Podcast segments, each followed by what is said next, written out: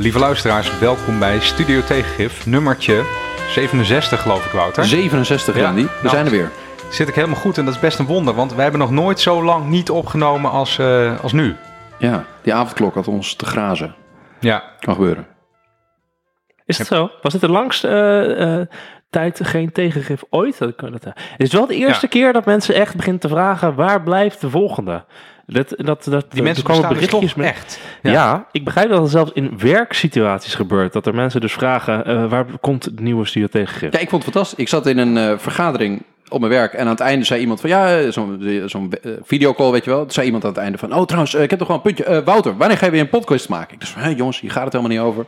Mooi, Ja. mooi. Nou, Mooi. ik ben ook blij dat we er weer, dat we er weer zitten. Dus doen het allemaal voor de luisteraar, hè? We doen het voor u. Ja. Ja. Zeker. Hey, ik wil ook gewoon even vasthouden aan de traditie eh, dan. En even Gelukkig. beginnen met ehm, het, eh, de gekte van de week. Weet je, ik kwam er even niet op. Zo lang, zo lang geleden is het. Ja, de gekte van de week. En eh, ik, heb, ik heb, mocht iets uitzoeken deze keer. En ik dacht even noemen. Ik mocht iets uitzoeken deze keer. Je hebt gewoon zelf bedacht dat je dit, gaat, dat je dit in gaat brengen. Maar Oké, prima. Ik vond, ik vond de intro best mooi. Je mag er zijn hoor, Randy. Gewoon, ja, doe het. Tel maar. Dankjewel jongens. Ik wil het even hebben over de 6500 dode gastarbeiders.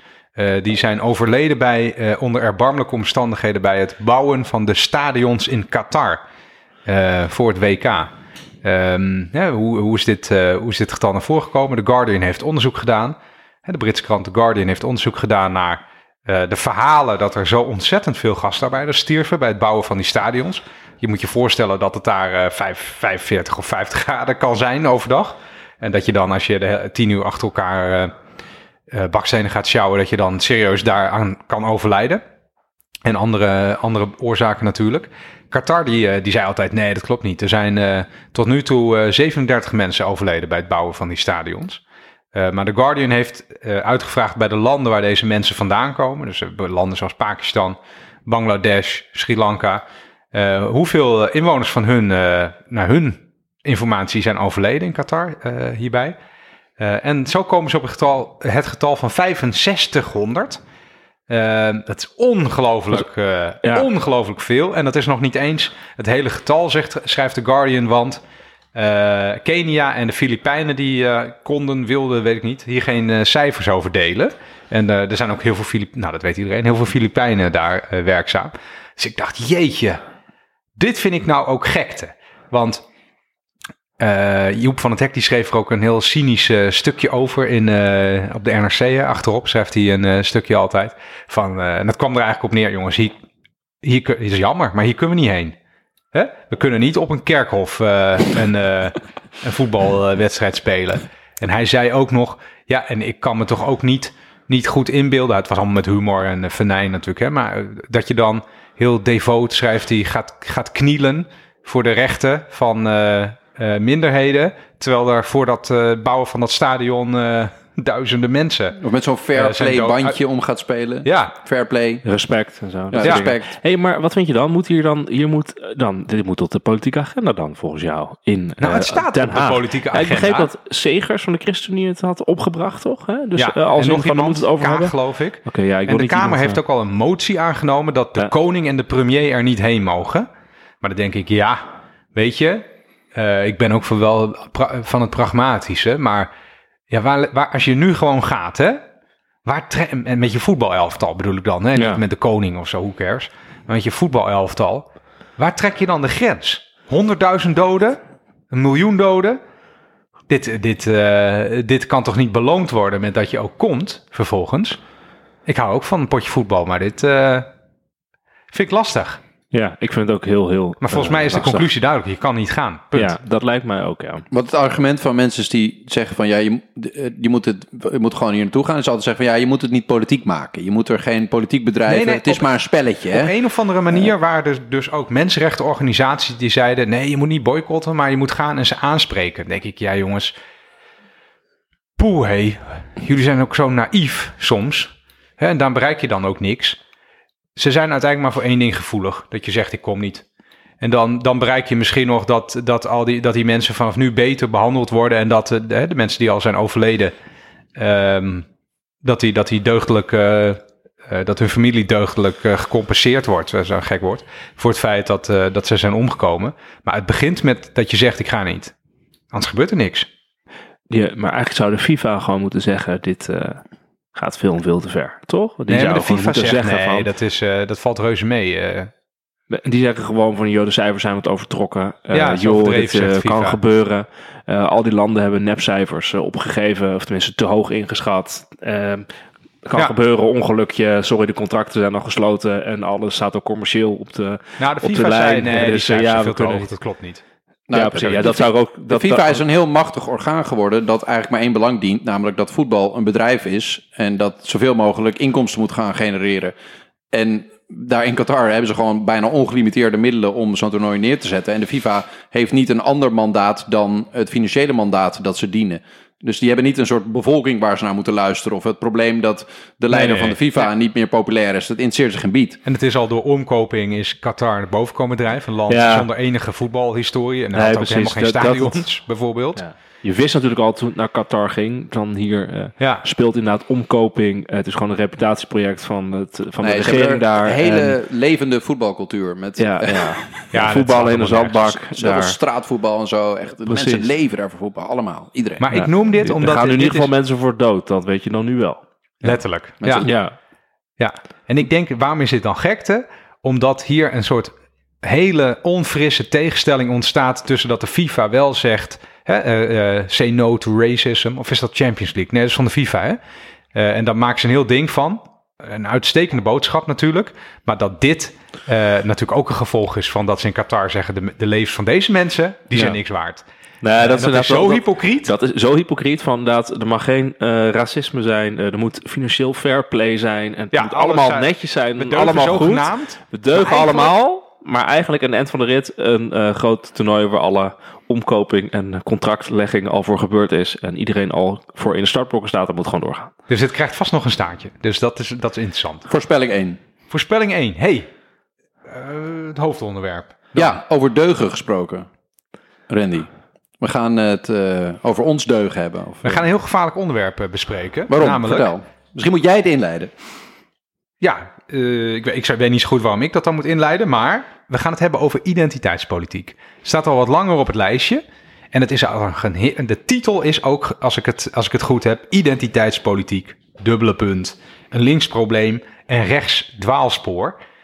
Ik denk dat, dat, dat we dat niet nu vooraf moeten gaan uitleggen, maar dat dat dan hopelijk duidelijk wordt wat jij daarmee bedoelt, eh, Wouter. Want het is jouw eh, geesteskind, deze titel. Yes. Maar wat ik hier interessant aan vind, dit is toch een, altijd een delicaat thema. Want eh, er zijn mensen ja, die zeggen, dit is allemaal onzin. Dit bestaat niet. Er zijn mensen die zeggen, dit is in essentie waar eh, linkse politiek eh, aan kapot gaat, even sterk gezegd. Eh, er zijn mensen die zeggen, dit is in essentie wat rechtspopulistische partijen doen. En dat deugt niet, hè? Maar dan rond de identiteit van een nativistische identiteit van witte, witte mensen in de, in de nazistaat. En ik heb echt het gevoel, dit staat centraal in, het, in de politiek zoals hij nu is. En dan moeten wij het een keer erover hebben. Na 67, 76.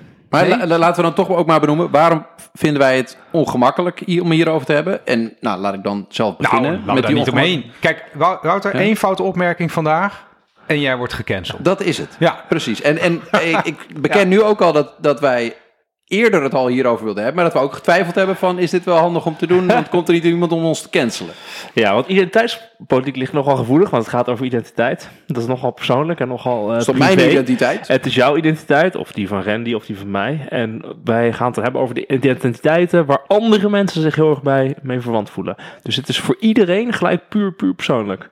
Dus dat is eh, veel eh, gevoeliger dan het hebben over, eh, over economische dingen. Ja. Of eh, het is het eh, alles met digitale identiteit. Om ook even Wouter erbij te trekken. Ja, dat is wel, wel le- leuk om te weten. Ik, ik werk op de afdeling identiteit en toegang. Ja, maar Eh. digitale identiteit is niet zo gevoelig als we het nu over gaan hebben. Nee, nou, maar misschien- identiteitspolitiek, en misschien even te zeggen, identiteitspolitiek is ook wel, kijk, politiek gaat sowieso over identiteit. Hè? Dus dat is natuurlijk het interessante. Het zijn altijd groepen die zich politiek verenigen en het doel willen bereiken. Eh, dus in die zin is politiek is altijd identiteitspolitiek. Dat is misschien goed om even te zeggen. Dus in die zin is er niks mis met identiteitspolitiek, want dat moeten zijn. Ehm, maar wij gaan het erover hebben omdat we denken dat er dingen niet goed mee gaan. Nou, misschien kunnen we de, even de, de haakjes noemen van de afgelopen weken. Want er zijn natuurlijk een paar Ja. eh, momenten geweest waarbij eh, de, de, de social media's weer uit hun eh, voegen barsten. Nou, wij kregen inderdaad door, door, door toeval een soort aanleidingje aangereikt. Namelijk, nou ja, iedereen heeft dat meegekregen natuurlijk, dat het, het werk van Amanda Gorman, dus de dichteres die op de inauguratie van Biden indruk had gemaakt met een spoken word gedicht. Dat, eh, dat gedicht of dat werk van die mevrouw zou vertaald worden door eh Marieke Lucas Rijneveld, een beroemde Nederlandse eh, schrijver. Maar het punt is, en toen kwam er een, een lading protest, want het punt daarbij was dat Amanda Gorman is zwart en daar gaat haar gedicht ook over, deels. En Marieke Lucas Rijneveld is wit. Dus er waren mensen die zeiden, ja maar pardon, eh, zij kan dat niet begrijpen. Eh, dus zij kan dat niet vertalen. Nou, eh, nou dat was een behoorlijk eh, stormpje. In bepaalde kringen neem ik, dan, neem ik dan aan. Maar die leidde er wel toe dat eh Rijneveld haar opdracht teruggaf. Dus is dit dan, is dit dan identiteitspolitiek, Wiemar? Dit lijkt me identiteitspolitiek. Nou, wat u heel duidelijk uitspreekt, is dat er dus wordt gezegd: ehm, de dichter, dichter is van een bepaalde identiteit. Ehm, namelijk, het gaat in dit geval om huiskleur. En eh, degene die. eh, en alleen iemand die dezelfde huiskleur heeft, zou het kunnen vertalen. Dat is eigenlijk wat hier gezegd wordt. Dus dat is ook interessant. Hè? Dus wat hier eigenlijk wordt gezegd is van. Je kan dus eh, alleen maar dezelfde soort kwaliteit leveren of dit begrijpen als je van dezelfde, precies dezelfde identiteit bent. Dus je voldoet precies ehm, aan de, de schrijfster. Dus dat is interessant, want hoe, eh, dat maakt dus niet meer uit hoe goed je bent in dichten in het algemeen. Ja, er was, er was nog een aanleiding volgens mij. Er was, eh, ik zat vrijdag NOS op 3 debat te kijken. En toen zat Ploemen volgens mij in debat met eh, Wilders en Rutte, geloof ik. En toen, ehm, toen gaf ze op een gegeven moment aan van ja, als twee mannen ruzie maken, dan heb ik geleerd dat ik er niet tussen moet komen. En dat werd op social media heel erg onthaald als goed zo, goed zo, goed zo.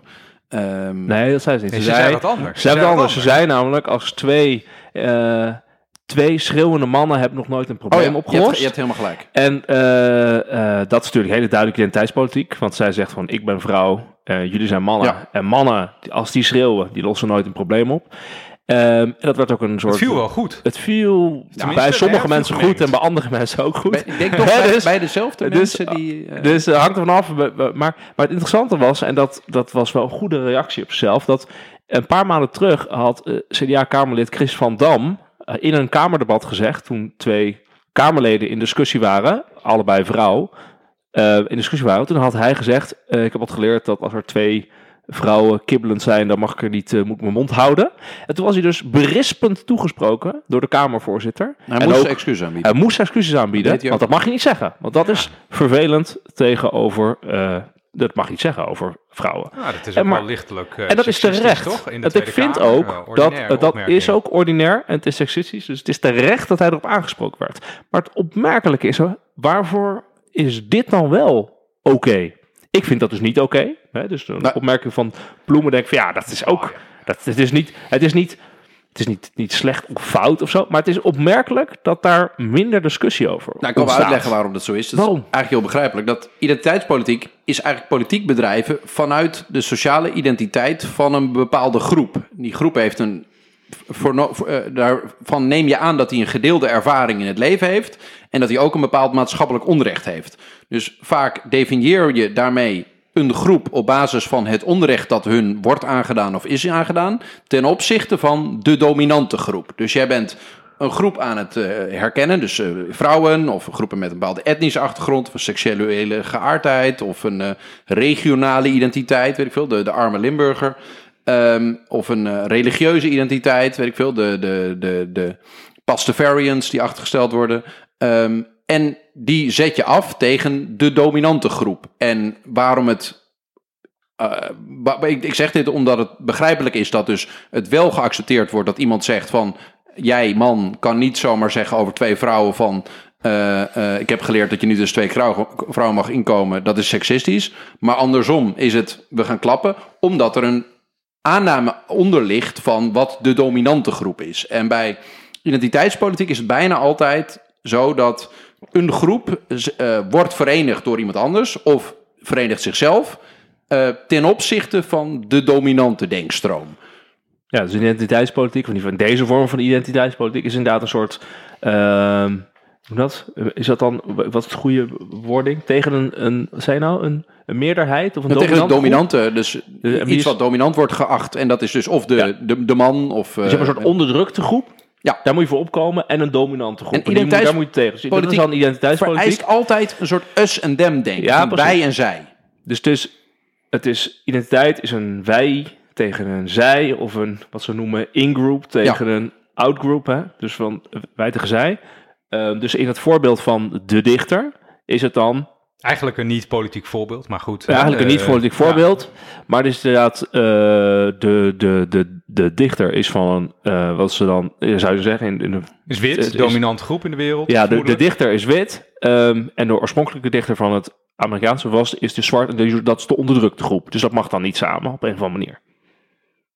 Toch? Ja, daar komt het op neer, denk ik. Daar ja. komt het op neer. En dat, dat is hier dan ook aan de hand. Dus je mag, zeg Mhm. maar, eh, je mag als man niet zeggen, zoals het CDA-kamerlid tegen twee vrouwen, van hé, hey, ehm, misschien moeten we, ik hou me even stil. Maar andersom mag je als vrouw wel zeggen, ja, twee schreeuwende Ja, mannen, die hebben dat ook, want zo ervaar ik dat ook wel een beetje. En dit draait ook allemaal heel erg om ervaringen trouwens. Hè? Dus dat komt vast nog wat naar voren weer. Ja. Dat eh, wat, wat die, eh, die, Chris van Dam, die bood ook direct zijn excuses aan. Daar werd hij ook een beetje toe gedwongen toen, geloof ik. Ja, en terecht. was ook Nou, een en hele terecht. lompe opmerking. Gewoon een ordinaire seksistische opmerking. Ja. hoort ook niet thuis in de Tweede Kamer. Eh, zo ervaar ik dat ook. En zo'n opmerking Ja. van Ploemen, ach ja, dat is een beetje een soort heel klein beetje edgy. Hè, een beetje edgy, seksistisch grapje. Je kan, wel, je kan wel beticht worden van dat je niet helemaal met gelijke maat meet. Ja. Want als je gewoon tegen seksisme bent, punt, dan maak je zelf ook geen seksistische grappen. Het was gewoon een beetje, een beetje edgy, hè? van eh, nou, twee mannen die hier aan het schreeuwen zijn. Dat, eh, bah. Maar wat, wat wel belangrijk is om te benoemen, denk ik, is dat identiteitspolitiek speelt dus aan, de- aan de rechterkant van het eh, politieke spectrum en aan de linkerkant. Want het is Nou, daar moeten we het even over hebben, Ja. inderdaad. Ja, hoe dat verschilt. Ja, maar het identiteitspolitiek aan de rechterkant is, nou ja, eh, als je het heel simpel maakt, gewoon, we hebben een soort homogene groep. Dat is de Nederlander, de hardwerkende Nederlander. Die deelt een geschiedenis met elkaar, die deelt eh, een cultureel en religieus verleden, die delen een taal met elkaar. Dat is een soort van wij, de Nederlander, die op dit stukje aarde woonde, en Hully. Dat is alles wat daar niet helemaal bij staat. Ja, ja, we gaan niet ja. helemaal definiëren, maar ongeveer dat. Nou, ik, ik wil het nog wel iets anders zeggen, om het, om, het, om het misschien nog iets simpeler te maken. Dat aan de rechterkant wordt gewerkt met één grote groep. De hardwerkende Nederlander of zo, of wat, hè, wat jij net zegt. En aan de linkerkant wordt gewerkt met een eh, regenboog aan verschillende kleinere groepen. En ik denk dat dat, ehm, dat, dat, dat, belangrijk is. Da- Daarom zeg ik het natuurlijk ook. Mhm. Omdat dat eh, links, hoe zeg je dat? Wat ongerichter maakt. Ja, we hebben het erover gehad. Eén grote groep is makkelijker Ja, natuurlijk. we ja, van tevoren een beetje geprobeerd van wat zijn de termen die je hier gebruikt. Maar inderdaad van, eh eh, zoals ik het begreep was, eh, rechts gebruikt zeg maar brede identiteitspolitiek. Dus inderdaad de hardwerkende Nederlander, de, de nationale identiteit. En links meer, of progressief meer, de smalle eh, Een aantal identiteitspolitiek. smalle identiteiten Sma- ja, precies, precies. En dat is wel een groot verschil, want onder zo'n brede identiteit kunnen heel veel mensen zich verwant voelen. Hè, Dat is daarmee. de bedoeling ook. Dat is de bedoeling, want heel veel mensen voelen zich Nederlander, hardwerkende Nederlander of iets dergelijks. Oh, maar zet veel minder. je zet ook een soort eh patriarchaal stem. Ja, ja, gelijk Eh, even. Maar veel minder eh, mensen tot een, eh, een smallere identiteit. Ja, Of een enge identiteit, hè, klein.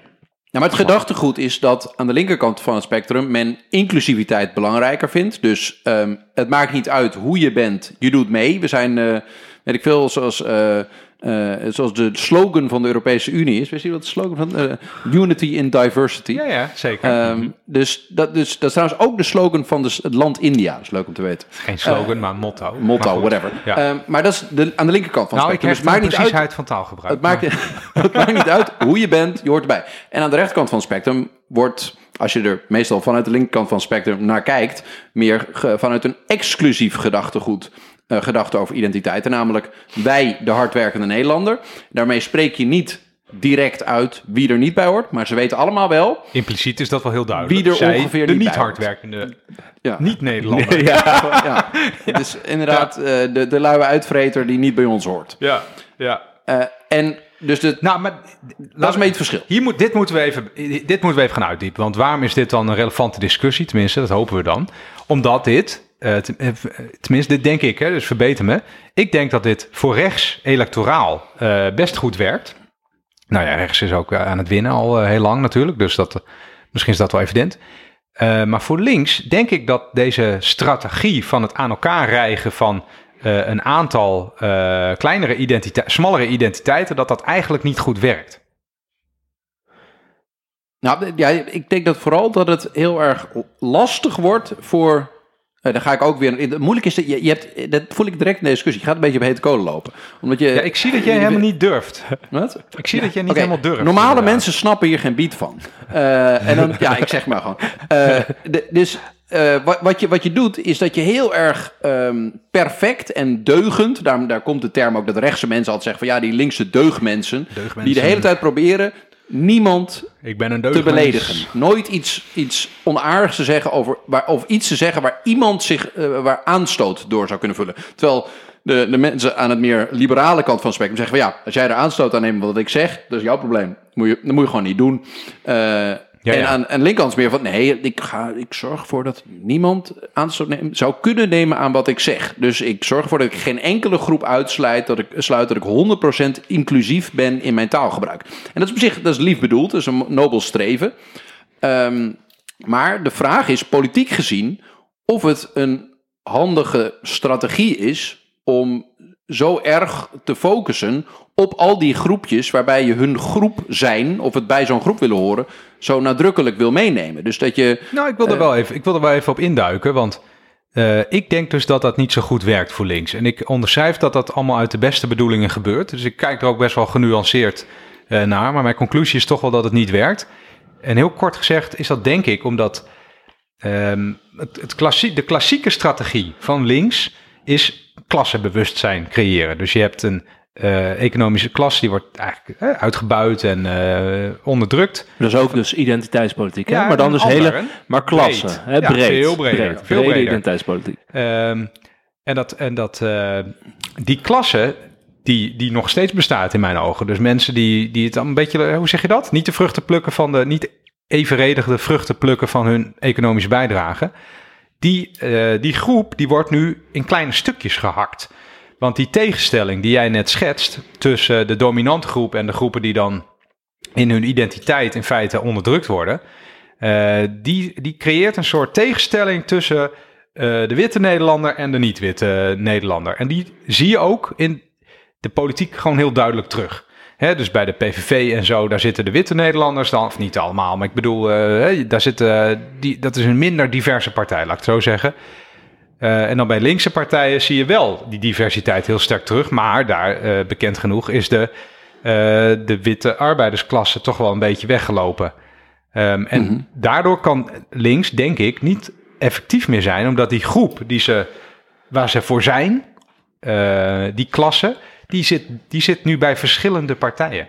Nou, ik, denk- ik denk dat de kritiek wel, nou ja, wel harder kan. Is dat veel van die oude achterban voelt dat dit een probleem is. wat niet zozeer hun prio nummer één probleem is. Dat als je ziet dat partijen heel erg met zichzelf aan het discussiëren zijn. over hoe de diversiteit op de kandidatenlijst eigenlijk het allerbelangrijkste discussiepunt is waar ze zich mee bezighouden. Hoe vertegenwoordigen we ieder groepje dat we geïdentificeerd hebben zo goed mogelijk en zo, eer, zo aardig mogelijk en komen we er zo goed over. Dat kan overkomen, of komt volgens mij over, op veel mensen die de, de traditionelere eh, ja, arbeidersklasse achterban zijn, of mensen die het wat minder eh, hebben getroffen in het leven, die denken van, oh, dat is waar jullie de hele dag mee bezig zijn. Hoe gaan jullie dan mijn leven beter maken? Ja, want misschien even goed om te zeggen, want inderdaad, eh, identiteitspolitiek kan zeg maar heel erg dus aantrekken, maar ook heel erg afstoten. Dus zeg maar, als je dus bij een bepaalde identiteit hoort, is het heel fijn als dat benoemd wordt. Maar als je er niet bij hoort, voel je je ook niet benoemd. En die identiteit, ja, dat Ja. is best wel persoonlijk. Hè? Dus ah, dat, dat kan mensen zo Ja, maar dat is dan ook letterlijk, dat is dan ook letterlijk zo. Ja, dus je wordt ook enorm afgestoten. En het interessante is volgens mij dat de links-progressieve identiteitspolitiek, dus de enge identiteitspolitiek, komt uit de allerbeste bedoelingen. Wat Randy Ja, ook zei. ja, Want je wilt eh, de onderdrukte of de achtergestelde groepen wil je emanciperen. Maar als je de hele tijd alleen die identiteiten benoemt, en dat is het belangrijkste, denkt de rest, ja, maar ben je er ook nog Voor mij? Voor mij.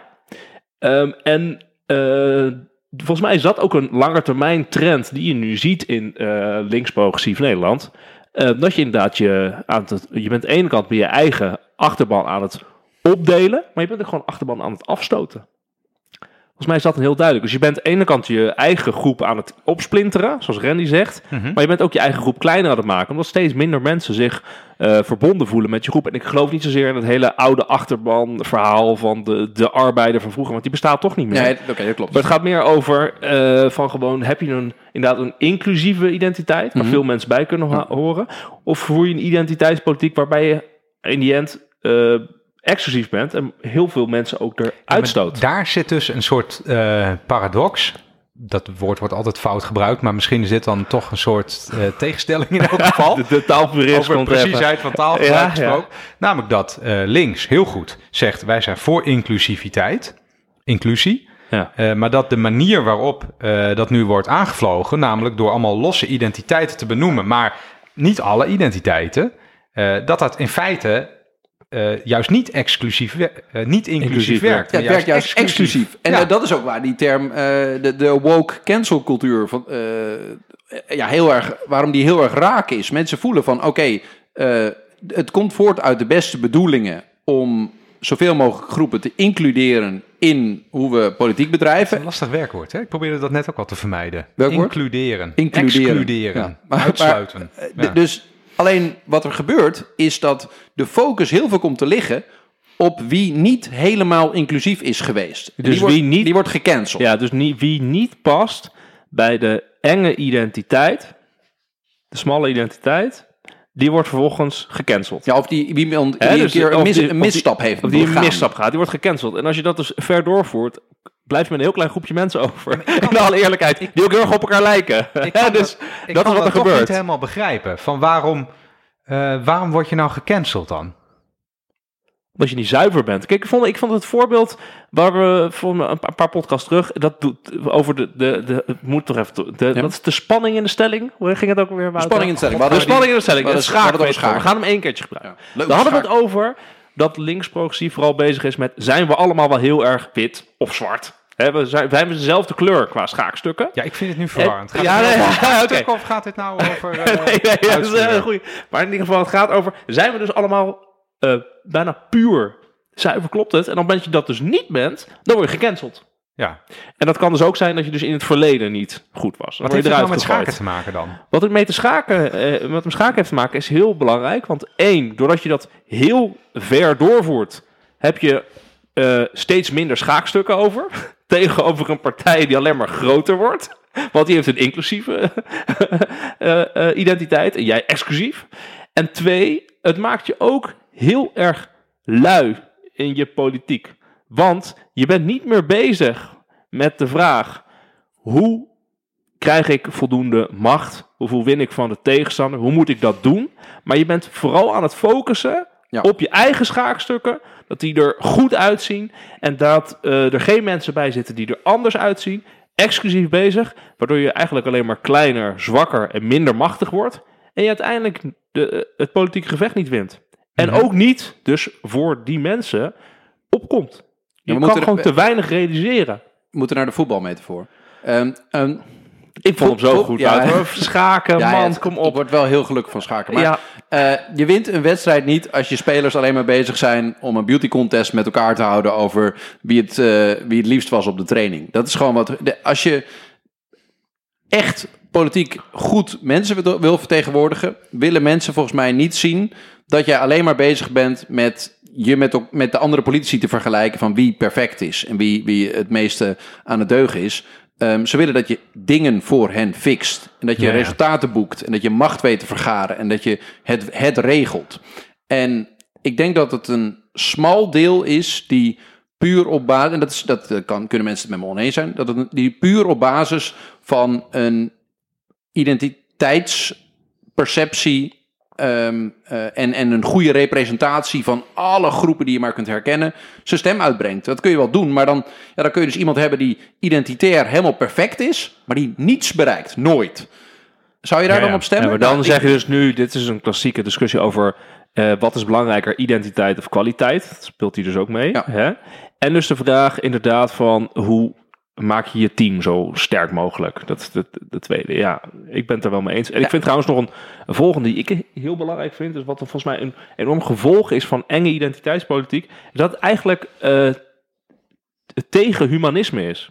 In de zin, Oh, dat je beoordeelt. heel hard ja, maar dat eh, is wel zo. Je beoordeelt mensen Die niet van meer. ons zal als eerst gecanceld worden, jongens. Ik, Jullie. je beoordeelt Jullie mensen niet meer op hun mens zijn, op wat ze willen, op wat ze kunnen, op wat ze doen, op, op hun, hun, eh, motivatie. Maar je beoordeelt ze gewoon op geslacht, op eh, huidskleur, ehm, op wat hebben we nog meer?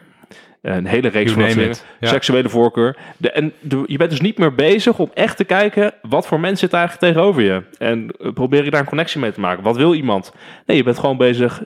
Klopt het qua identiteit? En dat vind ik eigenlijk het eh, vervelendste kwam eh, van de hele identiteitspolitiek, zoals links hem nu voert. Ik denk van ja, uiteindelijk ben je een humanistische stroming. Je wilt voor mensen opkomen. Dat is het allerbelangrijkste. Maar dit is daar zo mee in tegenstelling. Ja, ja. Ik, denk- ik denk wat ik, wat ik wil zeggen is eh, dat het aansluit op wat jij zegt. Maar wat het, wat het volgens, waarom het volgens mij niet werkt voor links. Voor rechts werkt het dus een stuk beter op een of andere manier. Maar waarom het volgens mij niet werkt voor links is dat links draait in mijn ogen om gelijkheid tussen mensen. Ja, precies. En, ehm, De- en de gelijkheid Ja. tussen mensen rust uiteindelijk, om toch ook een beetje zo'n slagje naar die filosofie, hoe zeg je ja, dat? maar dat is, uiteindelijk is dat humanisme. Ja, Gelijkheid van mensen. dat er, een Ja. ge- dat er een gedeelde menselijke ervaring is. Eh, want anders eh, kan er ook geen gelijkheid tussen ons zijn als we niet hè, een gedeelde ervaring hebben. En eh, deze manier van redeneren, die gaat uiteindelijk uit van de ongelijkheid tussen mensen. Dus mevrouw eh, Rijn, of ja, die, die kwalificeert, of die eh, ziet zichzelf als non-binair, geloof ik, maar de schrijver eh Rijnenburg, die kan eh, niet het, het werk van eh, Gorman vertalen, want zij kunnen elkaar niet begrijpen, niet in voldoende mate. Ehm, en dat, dan denk je misschien, ja, we- voer je dat ver door, maar daar gaat het uiteindelijk om. Geloof je dat mensen gelijk zijn, of streef je daarna, of geloof je dat mensen ongelijk zijn? En benadruk je dat ook? Eh, en daarom denk ik dat het niet werkt voor links. Want links draait toch om gelijkheid. En deze manier van eh, nadrukken leggen op identiteiten, ja, benadrukt ongelijkheid. Bij Tussen de, mensen, ja. de, de, Ja. de, de kritiek van, ja, dit, wat jij benoemt is eigenlijk een beetje de traditionele socialistische, marxistische kritiek op identiteitspolitiek. Namelijk dat het een beetje afleidt van wat links eh, hoort te doen, namelijk gelijkheid creëren. En ook daarnaast stelt het vaak eh, dat het afleidt van de sociaal-economische strijd. Want uiteindelijk gaat het gewoon om zorgen dat mensen een, een, een respectabel leven kunnen voeren en daar de middelen toe hebben. En dat het welvaart een beetje verdeelt. En dit leidt daarvan af, is de kritiek vaak. Ja, Ehm, Ja. Maar wat, wat, wat vanuit meer de identiteitspolitieke hoek vaak het argument voor het punt is dat dit wel heel belangrijk is, is dat, jij noemde het net humanistisch, Wiemer, Ehm, is het dat identiteitspolitiek vanuit een meer een eh, gender of eh, eh, etnisch of zo'n hoek juist belangrijk is om te voeren, omdat de liberaal-democratische inslag vaak gebaseerd is op het idee: iedereen is sowieso gelijk, iedereen's mening is gelijk. En iedereen moet vrij zijn om te spreken. En de kritiek vanuit de, de identiteitsgedachte is dat dat eigenlijk alleen maar de bestaande machtsstructuren rechtvaardigt. Dus doordat je zegt. eh, wij zijn een liber- liberale democratie waarin het humanisme is en dat is een focus op het individu en iedereen is als individu gelijk. Ehm, eh, stel je de dominante machtspartij eigenlijk ehm, op een 2-0 voorsprong. Dus eh, blanke witte mannen zoals jij, Wiemar, eens. zijn dan, staan dan voor. Dus moet je wel benoemen dat iemand een ander kleurtje heeft of een andere religie Ja, daar ben ik het ook afkomst. 100% mee eens. Want dat is ook de, de... Precies, daar ben ik het 100% mee eens. Dus zeg maar... Het, het is natuurlijk waar dat er in die zin een eh, achtergestelde of onderdrukte positie, hoe je het wil noemen, is van bijvoorbeeld mensen met een migratieachtergrond of mensen uit de LHBTQ-gemeenschap of eh, de, de, ik denk ook de vrouw inderdaad, zeker. Ehm, en nog een aantal van dat groep. Dat is er ook, 100%. Dat moet ook bestreden worden. Alleen op het moment dat je dat dus doet op basis van die identiteitspolitiek, behaal je dat doel niet. En dat is mijn het punt wat ik dus heel erg naar vind. Je wilt juist voor die groepen macht halen om hen te helpen. Maar door die identiteitspolitiek zover door te voeren, haal je dat niet. Kijk, het enge is dat. Of het enge. Hoe bedoel je dit precies? Nou, Ja, omdat het electoraal niet werkt. omdat je? electoraal niet werkt. Kijk, het probleem is dat, net noem ik het Engels niet het goede woord, maar eh, kijk, identiteitspolitiek is dus eh, zo krachtig dat je er altijd stemmen mee, meer stemmen mee haalt bijna dan op het moment dat je zegt alle mensen zijn gelijk humanisme. Dat is het, het, het lastige. Dus op het moment dat je zegt van het humanisme, iedereen is gelijk en dat is onze identiteitspolitiek, dan haal je eigenlijk te weinig stemmen. Want iemand anders zal gewoon zeggen, nee hoor, want het gaat om het volk tegen de elite. Nee hoor, het gaat jij- om het zeg- land. Zeg jij Dus- dan, je moet die identiteit waar je voor gaat een beetje slim kiezen? Ja, dus je moet, ik, ik, je moet, want dat is dus de kracht van politiek, je moet met identiteiten werken. Alleen vind ik dus dat je identiteit moet voeren op een, wat jij noemt, inclusieve identiteitspolitiek. Dus een op, nou ik weet niet of je dat landsniveau moet noemen of iets dergelijks.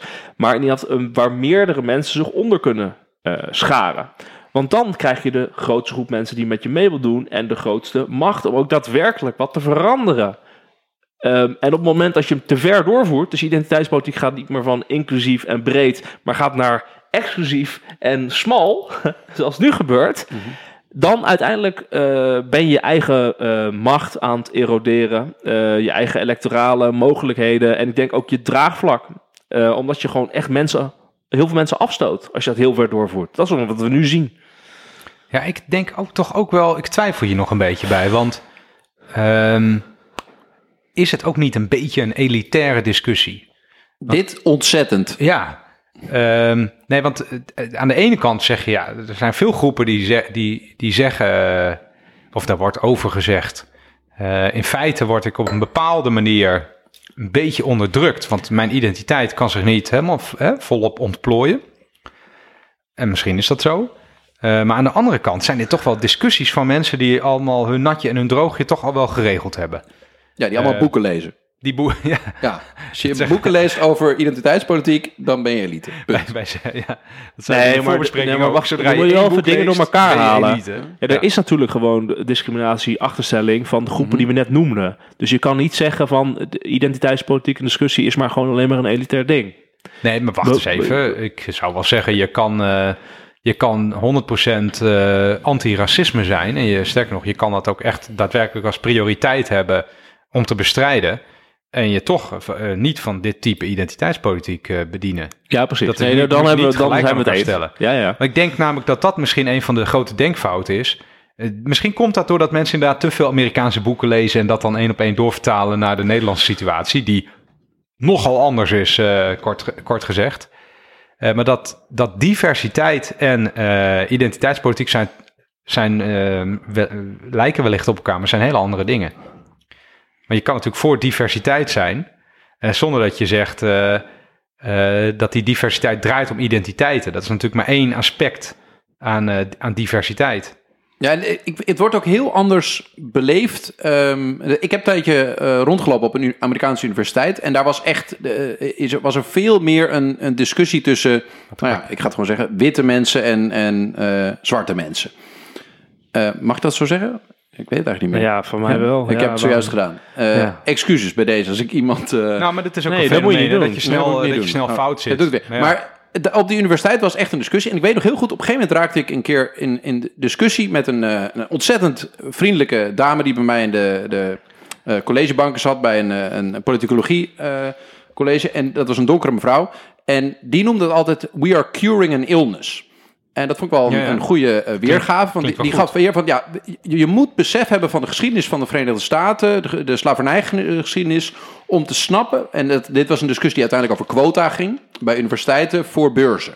Dus voor eh, Afro-Amerikaanse mensen waren er meer beurzen dan voor Nou ja. eh, Anglo-Saxon Ja, dat of Caucasian Americans. Het slaat wel ergens op, toch? En ehm, ik vroeg waarom dat was. En ik had een prima band met haar, dus ik mocht vragen waarom dat was.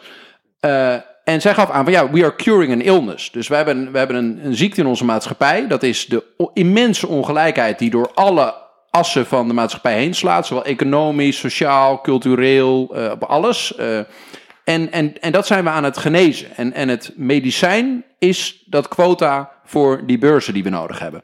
En het lastige is dat ik daar best wel begrip voor had. eh, En ook heb. Eh, dat, het, dat het best zinnig is dat je zegt van oké, er zit zo'n ongelijkheid. Sommige mensen noemen dat een soort eh, eh, eh, intersectionaliteit. Dus die komt op diverse assen van de maatschappij, komt die ongelijkheid samen. En je moet wel optreden tegen die ongelijkheid met maatregelen die eigenlijk ongelijk zijn ten opzichte van de dominante groep, om het een beetje gelijk te trekken. Ja, maar dat vind ik logisch. Dat- als, een, als een bepaalde groep eh, zo ver achter ligt, Ja. Eh, Vind ik ook dan, logisch. dan is het logisch om die een beetje een steuntje in de rug te geven. toch? Oké, en maar dat vinden we dan wel oké. Ja, Maar dat vind ik wel dat, is, ja. dat is dus het bestrijden van ongelijke kansen. Dus Ja. daar, ik vind dat je daar, daar, daar moet je voor, te- voor optreden. Maar in Nederland zijn er ook ontzettend veel groepen die terecht ervaren dat zij ongelijke kansen hebben. En Eh, ik heb, ja, kijk, ja, weet maar je, het, hoe bestrijden van ongelijke me. het, het, het willen strijden voor gelijke kansen is wat anders dan overslaan in eh, enge identiteitspolitiek. Dat is echt Ja. een heel groot verschil. Je gebruikt, Ja. het woord, jij gebruikt het woord eng op een manier dat het net is dat je, dat je het eng vindt. Nee, nee, nee. Nee, smalle identiteit, individualistische identiteitspolitiek. Ja, ik, sorry. Ik, eh, de- maar dat is een manier om voor mij om het, om Ik- het ik helder wil- te maken. Ik wil het nog anders zeggen. Kijk, Ja. wat volgens mij niet, niet werkt, en dat is het ook. Hè, dat- het feit dat het niet werkt, is voor mij echt de reden dat ik het interessant vind om het erover te hebben. Is dat het aanspreken van allerlei groepen op basis van hun identiteit uiteindelijk in Nederland helemaal niet werkt als eh, politieke strategie. En eh, ik- misschien een concreet voorbeeld dan. Dat eh, de progressieve partijen die, die, die deels op deze manier politiek bedrijven, die hebben bijvoorbeeld zo'n toeslagenaffaire. Wat het beste voorbeeld is van institutioneel racisme in Nederland, wat ik, wat ik kan bedenken, gewoon eigenlijk gemist. Hè? Dus eh, CDA en SP, die, die, die een hele andere manier van politiek bedrijven hebben, allebei. Die, die stonden vooraan en die hebben dit aan het licht gebracht. En eh, stonden aan de basis van de oplossingen van hopelijk straks. Ehm, ja, die, die hebben dat aangezwengeld. Terwijl meer eh, partijen die in de, in de hoek van identiteitspolitiek zitten, die, die misten dit. Dus wat ik, bedoel ik hiermee te zeggen? Dat deze manier van politiek bedrijven, waarbij je zegt, hè, ik kom op voor deze groepen, dat dat misschien ook gewoon beleidsmatig helemaal niet eh, goed werkt. Omdat je zo bezig bent met al die hokjes waar mensen dan in zitten, eh, dat, dat je vergeet... eh, het gaat ook, ook waar leg je je aandacht op? Dat is Ja. eigenlijk je punt. ja, dat, hè, dus, dat, ja. dat als je je aandacht richt op... ik durf bijna niet meer te zeggen, oké, smalle identiteitspolitiek. als je daar heel erg op richt, dat je dan geen zicht hebt meer op, of geen aandacht hebt, maar voor andere dingen.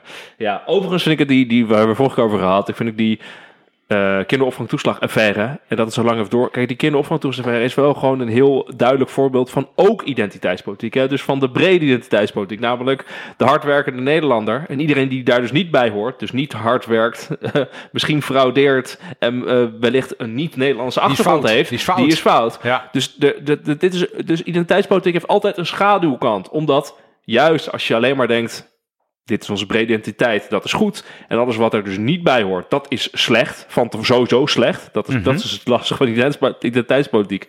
Je hoeft dus niet meer echt na te denken over de andere groep. Je denkt gewoon, iedereen is eh, zoals de, de slechte anderen. eh, en we gaan er gewoon hard op in. Eh, Ja, dat, ja. is, dat is wat er gebeurt. Ehm, dus dat, ik vind wel dat je moet er wel rekening mee houden dat ook die brede identiteitspolitiek heeft. Zorgt dat je een soort blinde vlek krijgt. Nou, ik vind het ook voor de democratie. Misschien dan toch even over de Verenigde Staten. Waar dit natuurlijk heel erg, ehm, hoe zeg je dat, fel en zichtbaar eh, de politiek bepaalt. Dat eh, eh, je krijgt dan ook partijen die, als het gaat om bevolkingsgroepen, een beetje een mal en een contramal van elkaar zijn. Dus als je kijkt naar electorale kaartjes in de VS, heel veel Ne- Nederlandse politiek, mensen die in politiek geïnteresseerd zijn, die zijn een soort junkies rond Amerikaanse verkiezingen. Dus die weten dat dan dat eh, de Republikeinse partij, is een super witte partij. En de, de Democratische Partij is een super diverse partij. Dus als bevolkingsgroepen zijn dat dan een beetje, de, hè, wat ik zeg, een mal en een contramal. En dat is denk ik super slecht voor een eh, republiek en ook super slecht voor een democratie. Eh, dat, dat partijen echt andere groepen in de bevolking zeker in een twee-partijenstelsel, nogmaals, dat is ook, ook weer heel anders dan in Nederland. Eh, dat is niet goed, want dan krijg je bijna een, soort stammen die echt anders zijn. Dus hele families zijn democratisch en aan de andere kant hele families zijn republikeins en, en gebieden. En eh, je kan het ook zien aan, aan huidskleur en dat soort dingen. Dat is helemaal niet goed, eh, denk ik. Want een, democratie rust op het feit dat je een soort gedeeld burgerschap hebt. Eh, en dat heb je dan, dat krijg je dan in, toenemende mate niet. Ja, zal, zal ik misschien een gekke gedachte bij mij. Ik werk dus bij de, de afdeling identiteit van het eh, eh, ministerie van Binnenlandse Zaken. En voor de overheid gaat identiteit inderdaad over burgerschap. Gewoon Ja, ja. wie Ja. heeft er een BSN en is burger van Nederland. Ehm, en daarbij zijn, bepaalde, eh, zijn bepaalde rechten en plichten verbonden. Dus daar wordt geen onderscheid gemaakt. En dat is eigenlijk de, dat is artikel 1 van onze grondwet. Ehm, en wat ik het lastige vind, wanneer je dus die identiteitspolitieke kant op gaat, dan ga je automatisch dat onderscheid maken. En eh, ik vind het heel ongemakkelijk als, nou, als ik dan op mezelf betrek, wanneer ik aangesproken word op elementen van mijn identiteit. Want mijn identiteit is heel divers, dat is een heel palet. En ik ben, eh, ik ben dan man, maar ik ben ook, eh, weet ik veel, ik vind schaken leuk. Je hebt allerlei aspecten van je. Weet ik veel, ik heb een koosnaam die mijn vrouw graag voor me gebruikt. Ik, ik, Die willen we weten. die willen we weten. daar ga je niks aan. ik, ik voel mij Groninger, weet ik veel. Je hebt allerlei Ik elementen. vond die- alleen die koosnaam natuurlijk heel interessant. Ik heb, ik heb gehoord dat het monkey butts is. ik, ik, ik heb het gehoord dat hier, hier is een... Hier is een Voor één identiteit heel Nee, maar het interessant. punt is, Oké, dus, ja, het, is het is ongemakkelijk als iemand anders Uitlokking. of een groep bepaalt wat de belangrijkste aspecten van jouw identiteit zijn. Eh, ik heb eigenlijk veel meer gevoel bij mijn vrijheid om te bepalen van, nou, weet ik veel, ik voel me heel erg, eh, weet ik veel, iemand die eh, rechtshandig is. Dat vind ik heel, een belangrijk element van mij. Of iemand die grote oren heeft. Dat vind ik een belangrijk element van mijn identiteit. En dat is mijn vrijheid. Dat vind ik fijn als ik in een eh, land mag wonen waar ik de elementen van mijn identiteit die ik belangrijk vind zelf mag kiezen. En dat het niet passief mij opgelegd wordt. En daarom vind ik het altijd ongemakkelijk voelen wanneer er als het ware over iemand gesteld wordt dat een bepaald element van diens identiteit zeer belangrijk is en dat hetgeen is hoe dat bepaalt hoe die persoon in het leven staat. dat, dat geeft mij een ongemakkelijk gevoel. Dat kan komen door mijn geprivilegeerde positie. Ga ik bij deze erkennen. Ik ben een, eh, een blanke man van hoogopgeleide ouders. eh, die, eh, die het eigenlijk veel, vast veel te makkelijk in het leven heeft gehad. Bij deze erkend. En dat is misschien voor mensen die niet in de geprivilegeerde positie zitten waarin ik zit, anders. Maar alsnog voelt het heel erg ongemakkelijk wanneer je andere mensen een bepaald identiteitsperspectief oplegt. Dat is wa- wat het bij mij moeilijk maakt. En ik vind dat. Ja, het, heeft ook te, ja, het heel ongemakkelijk. Het heeft ook te maken met dat jij gewoon een vooroordeel op iemand plakt. Ja, dit- Kijk, vooroordelen zijn sowieso altijd identiteitsideeën, Allemaal sociale categorieën. Kijk, een van de dingen waar ik me eh, best wel zorgen om maak, bijvoorbeeld, is dat je op de Nederlandse arbeidsmarkt ziet dat een, een groep die het heel, heel erg moeilijk heeft op de Nederlandse arbeidsmarkt, zijn dus eh laag opgeleide blanke mannen. Ja, die is ook heel boos vaak. Die, dat hebben we, de, de boze blanke man. Nee, maar die, die, die hebben, dat zie je gewoon in alle cijfers. Hè? Los Dus eh, ze zijn, boos zijn. de, de ehm, eh, buizen, of, het maakt helemaal niet uit als ze boos zijn. Maar inderdaad, eh, opleiding gaat niet goed, eh haken niet aan, kunnen geen werk vinden, steeds minder fysiek werk en dergelijke. Alleen is daar bijna geen aandacht voor. Waarom? Omdat we met z'n allen hebben bedacht dat eh, blanke mannen, dat, dat, die, dat die een wit privilege Ja, hebben. dat past dan niet en in dat je de- dan niet, dat je daar niet Ja. druk om hoeft te maken. Dus tegen die, over die mannen wordt gewoon gezegd: ja, oké, ja, eh, je moet je maar. Je bent toch een man, stel je niet zo aan. Vecht je maar in. Eigenlijk een soort genderrol wordt er op die mannen geplakt. Hè? Dus waar al die andere, alle, de, zeg maar, de, die, die smalle identiteiten, allemaal zeggen: je moet me niet eh, een stickertje op me plakken en me bevooroordelen en eh, me discrimineren. Wordt dat bij deze man eigenlijk ook gedaan? Wordt gewoon gezegd: ja, eh, ga maar gewoon aan het werk, ga, maar, ga je maar invechten. Je bent, toch een, je bent toch een man, ga maar gewoon, het is je eigen domme schuld. Waarvoor? En dat- dat, ik vind dat zonde, want je, je bent gewoon een hele groep. We gaan veel te laat aandacht krijgen voor die groep. En over een jaar of 10, 20 is dat gewoon een heel groot probleem. Met een heel groot achtergestelde positie. Ja, maar dat, Eh, dat en dat is komt dus- dus door identiteitspolitiek, dat we daar eigenlijk geen aandacht voor hebben. Misschien is dat ook dan wel toch wel een hele belangrijke kritiek. Dat het niet. eh, dat het deels ook niet rationeel is, omdat het dan niet binnen de theorie past. Hè, van welke groepen dan voor liggen en welke achter liggen. Eh, en- Maar het is ook andersom, hè? Dus dus je hebt hem gelijk. Het is ook andersom. Dus zeg maar, de, er zijn inderdaad ook hele ge, eh, ge- hoe noem je dat? Eh, ehm, mensen die het heel goed hebben in de samenleving, Mhm. alle kansen hebben gehad. En die vallen net in die, eh, in, toch in een het die- hokje, die in het achter zou hokje liggen. van, Ja. die achter zou liggen.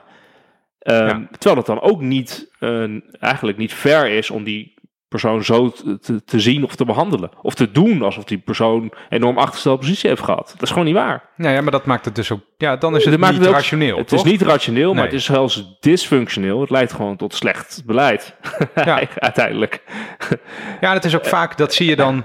eh, de- hier wordt natuurlijk op internet eh, altijd lekker tegen geageerd, ook voor en tegen.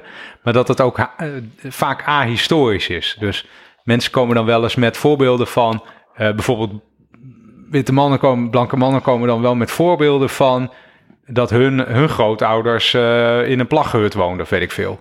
Hè, dus dat, dat staat me nu even voor de geest dat iemand daar een keer mee kwam. Die Ja. zei, "Wel- welke white privilege hebben we het precies over? Mijn, oude, mijn, hè, mijn voorouders waren onderdrukte veenarbeiders. Dit, is- eh. dit doet mij denken aan het American Rags to Riches story. Dat is dat iedere Amerikaanse president verzint altijd een verhaal. verhaal van hoe die eigenlijk eh, zichzelf eh, uit de slums, eh, uit een hutje, naar dat noemen ze de Rags to Riches story. Dus Ja, iedere ja, ja. president vormt dat altijd van. Dat komt Abe Lincoln heeft daadwerkelijk een beetje een, eh, een, een simpele achtergrond gehad, maar Zeker. daarna alle presidenten. Ah, dat doet ook elke, elke Nederlandse politicus doet dat ook, Ja. behalve Sigrid Kaag.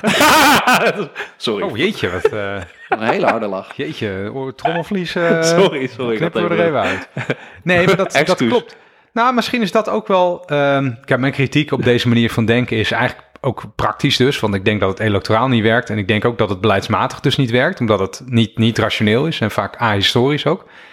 Ehm, maar ook op een filosofisch vlak is het ehm, misschien helemaal niet goed om groepen die je eh, eigenlijk zelf definieert vaak, want dat klopt, het klopt niet altijd op het individu, dat je groepen dan bestempelt als, eh, oh ja, maar jullie zijn het slachtoffer van de geschiedenis en jullie zijn de dader van de geschiedenis. Dus je trekt dan door een, eh, door een samenleving, trek Ja. je een soort onzichtbare scheidslijn heen tussen daders en slachtoffers.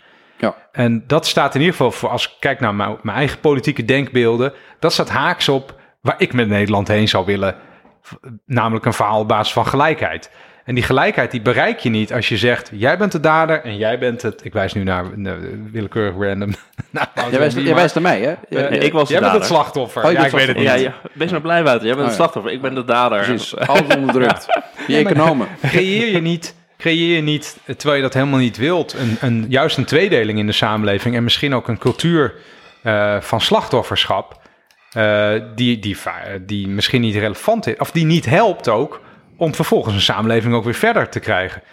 Dus Ja, ik denk, je, je drukt op iedereen eigenlijk een beetje zo'n gemiddeld. Ja, dus het kan best zo zijn dat zeg maar gemiddeld genomen. Er is aan, het is ook zo. Er dominante groepen zijn en dus onderdrukte groepen. Het moment dat je vervolgens zegt, Ja. oh, jij voldoet aan het vinkje. ehm, jij bent dus, ik wijs nu naar Wouter. Wouter is een dominante groep.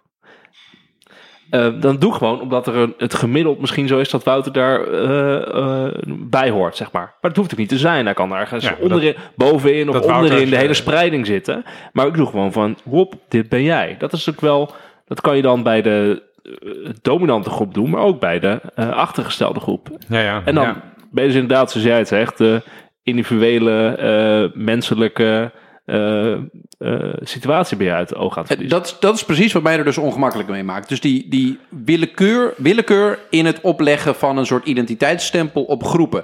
Terwijl in mijn ogen, ehm, als het ware, meer objectiveerbare waarden. Hoeveel geld heb je per maand te besteden? Eh, valt je huis uit elkaar, ja of nee? Heb je een kamer voor je kinderen? Kunnen je kinderen eten? Heb je een goede school? Dat zijn dingen die kun je gewoon meten of die voor iedereen toegankelijk zijn. En dat, dat, dat, dat, zorgt ervoor dat je, dat je altijd een soort van ongemakkelijkheid bij hebt als dit de kern van de discussie is. En wat er nog bij komt, is dat het vaak gepaard gaat met een soort van herschrijven van de geschiedenis vanuit de waarde van nu. Dus het wordt terugkijken naar hoe we vroeger over dingen dachten en daar even wat stempeltjes op plakken. Jullie kennen de discussie wel over dat straatnaambordjes veranderd moeten worden omdat een bepaalde man misschien ooit in de slavenhandel heeft gezeten.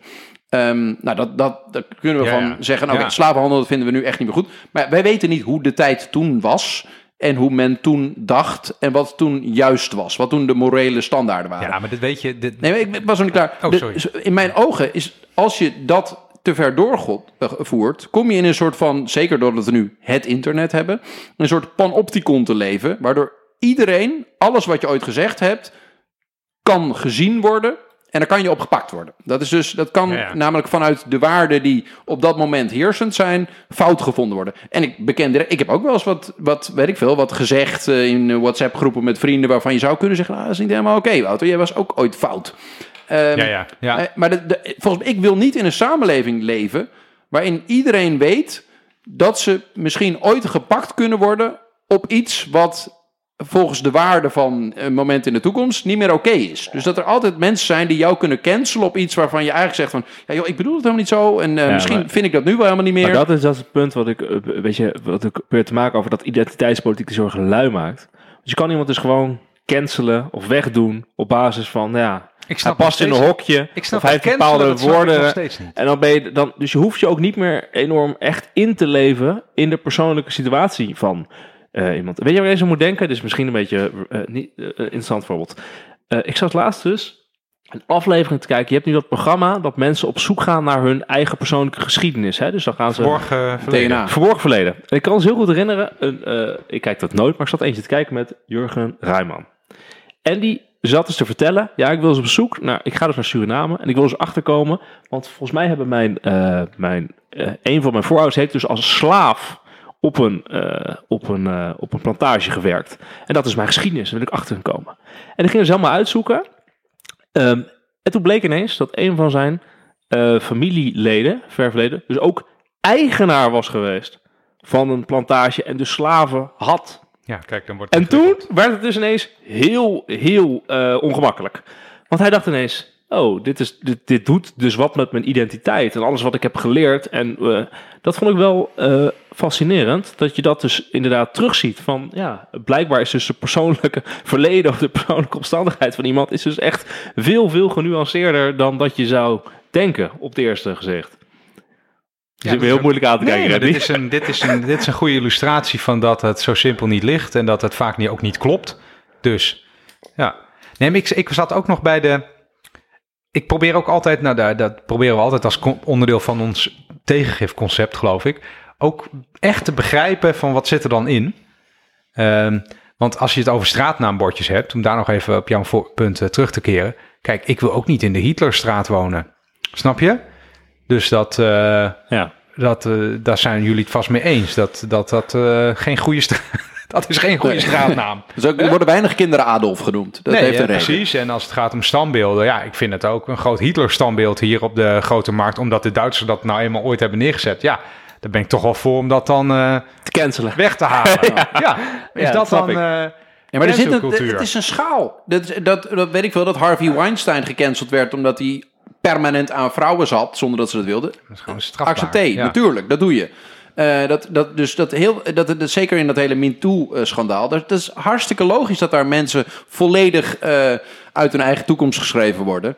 Ehm, maar er, er is een soort doorgeslagenheid in dat mensen die in principe volgens de normen van de, de tijd eigenlijk helemaal niks fout gedaan hebben, ook denken van, joh, misschien heb ik ooit wel een keer op een internetforum een grapje gemaakt over iemand die wat klein is. En ze worden kleine mensen nu boos op mij. Oeh. eh, en ja, ik, dat, Ja, dat, ja. dat is een beetje Ja. dus de, als je het, het, het van, nou oké, dan gaan we dat toch, dus die, de- als je eh, Hitler aan de ene kant van het spectrum zet, dan, dan, dan gaat het erom van, oké, waar... Hitler is altijd een voorbeeld wat, wat discussies helderder maakt.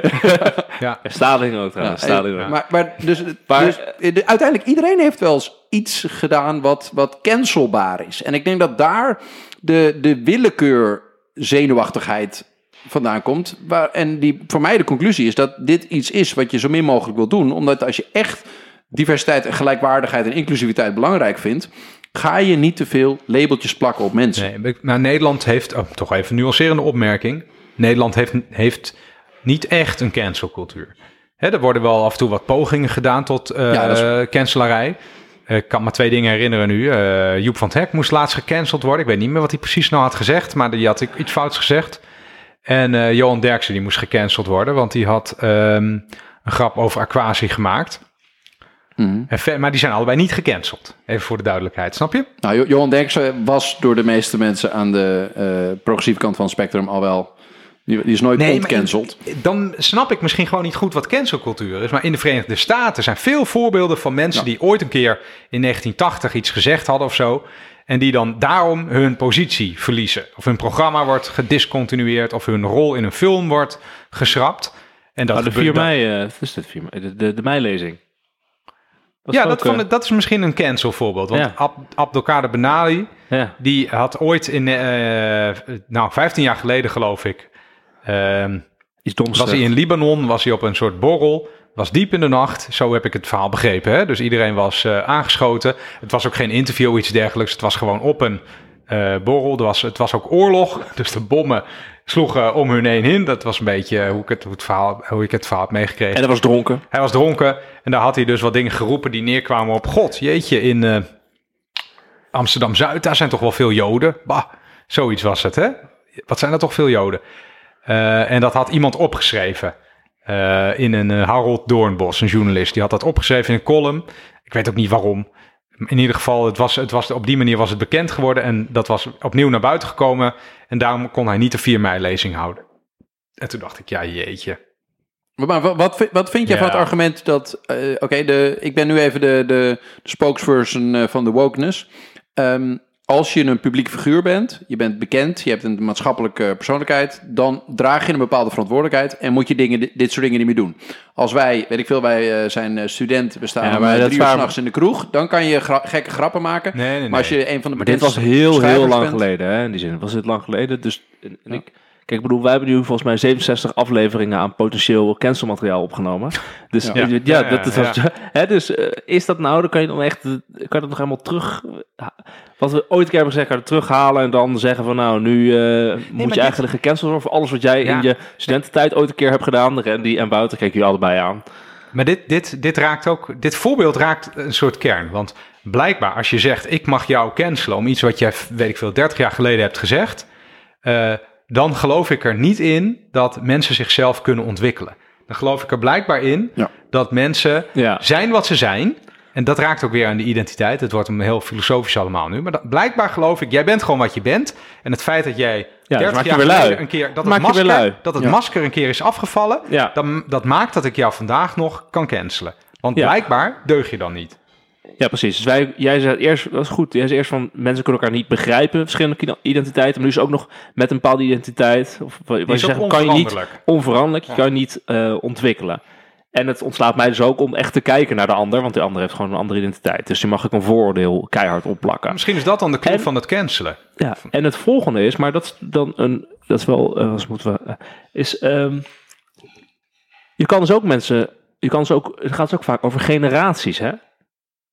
Dus moeten, maar dat is een andere, eh, wel vergelijkbare discussie van, moet je nu als generatie eh, wel of geen excuses aanbieden voor iets wat eh, vijf generaties voor jou, Ja. eh, jouw eh, verre eh, eh, opa's en oma's hebben gedaan? Of moet jij eh, excuses aanbieden voor wat jouw ouders hebben gedaan? Of jou, dat vind ik wel een, een interessante vraag, want dat hangt er wel mee samen met de cancelcultuur en ook met de identiteitsdiscussie. Ja, ja.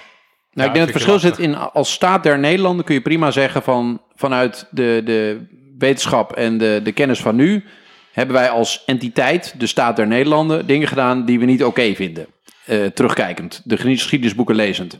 Ehm, maar inderdaad, als je het op de identiteit van een persoon Ja, betrekt, vind ik het inderdaad, wat jij zegt, Wiemars, vind ik mooi samenvatting, gewoon lui om ervan uit te gaan dat mensen eh, niet in 30 jaar eh, ook kunnen veranderen en kunnen leren.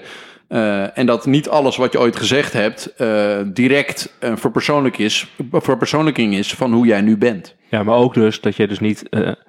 je kan dus ook niet verantwoordelijk gehouden worden voor, voor dingen die jouw ouders, overgrootouders of dat mensen daarvoor hebben, hebben gedaan. Je bent dus ook niet, je lijkt in die zin ook niet. Het wordt eigenlijk gedaan van je bent, je lijkt op ze. Je hebt dezelfde soort identiteit. Nee, die- het is juist iemand, een eigen persoon, een eigen individu die zichzelf Ja, probeert te ontwikkelen. Uiteindelijk is, is een lastig punt, vind ik, dat de, de reden dat ik, dat ik kritisch ben over deze manier van denken, is omdat die in mijn ogen de aandacht afleidt van eh, politieke thema's die er meer wezenlijk toe doen. En eh, je merkt ook als je het bespreekt, dan, kom, dan blijf je toch in het onderwerp. Ja. Snap je wat Dus, ik bedoel? dus eigenlijk, Ja. maar de- vandaar, misschien kunnen we hem rondmaken. Dus het is een valkuil. Ja, joh, of komt dus, omdat komt- er uit. Het dus omdat identiteitspolitiek zo eh aan je grijpt. Omdat het zo persoonlijk is. dus het is, je, dat is wel echt een Ja, ding. Het gaat over Ieder- je iedereen het gaat identiteit, over wie je identiteit. bent. Nou, iedereen maar heeft een je, identiteit. dus het is best ik denk- wel... ik denk dat het de is heel persoonlijk. Eh, de discussie, er zit altijd heel veel energie in deze discussie.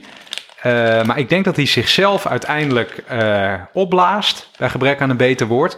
Omdat die identiteiten, die zijn uiteindelijk individueel. Dus die groepen waar het over gaat, die worden steeds kleiner.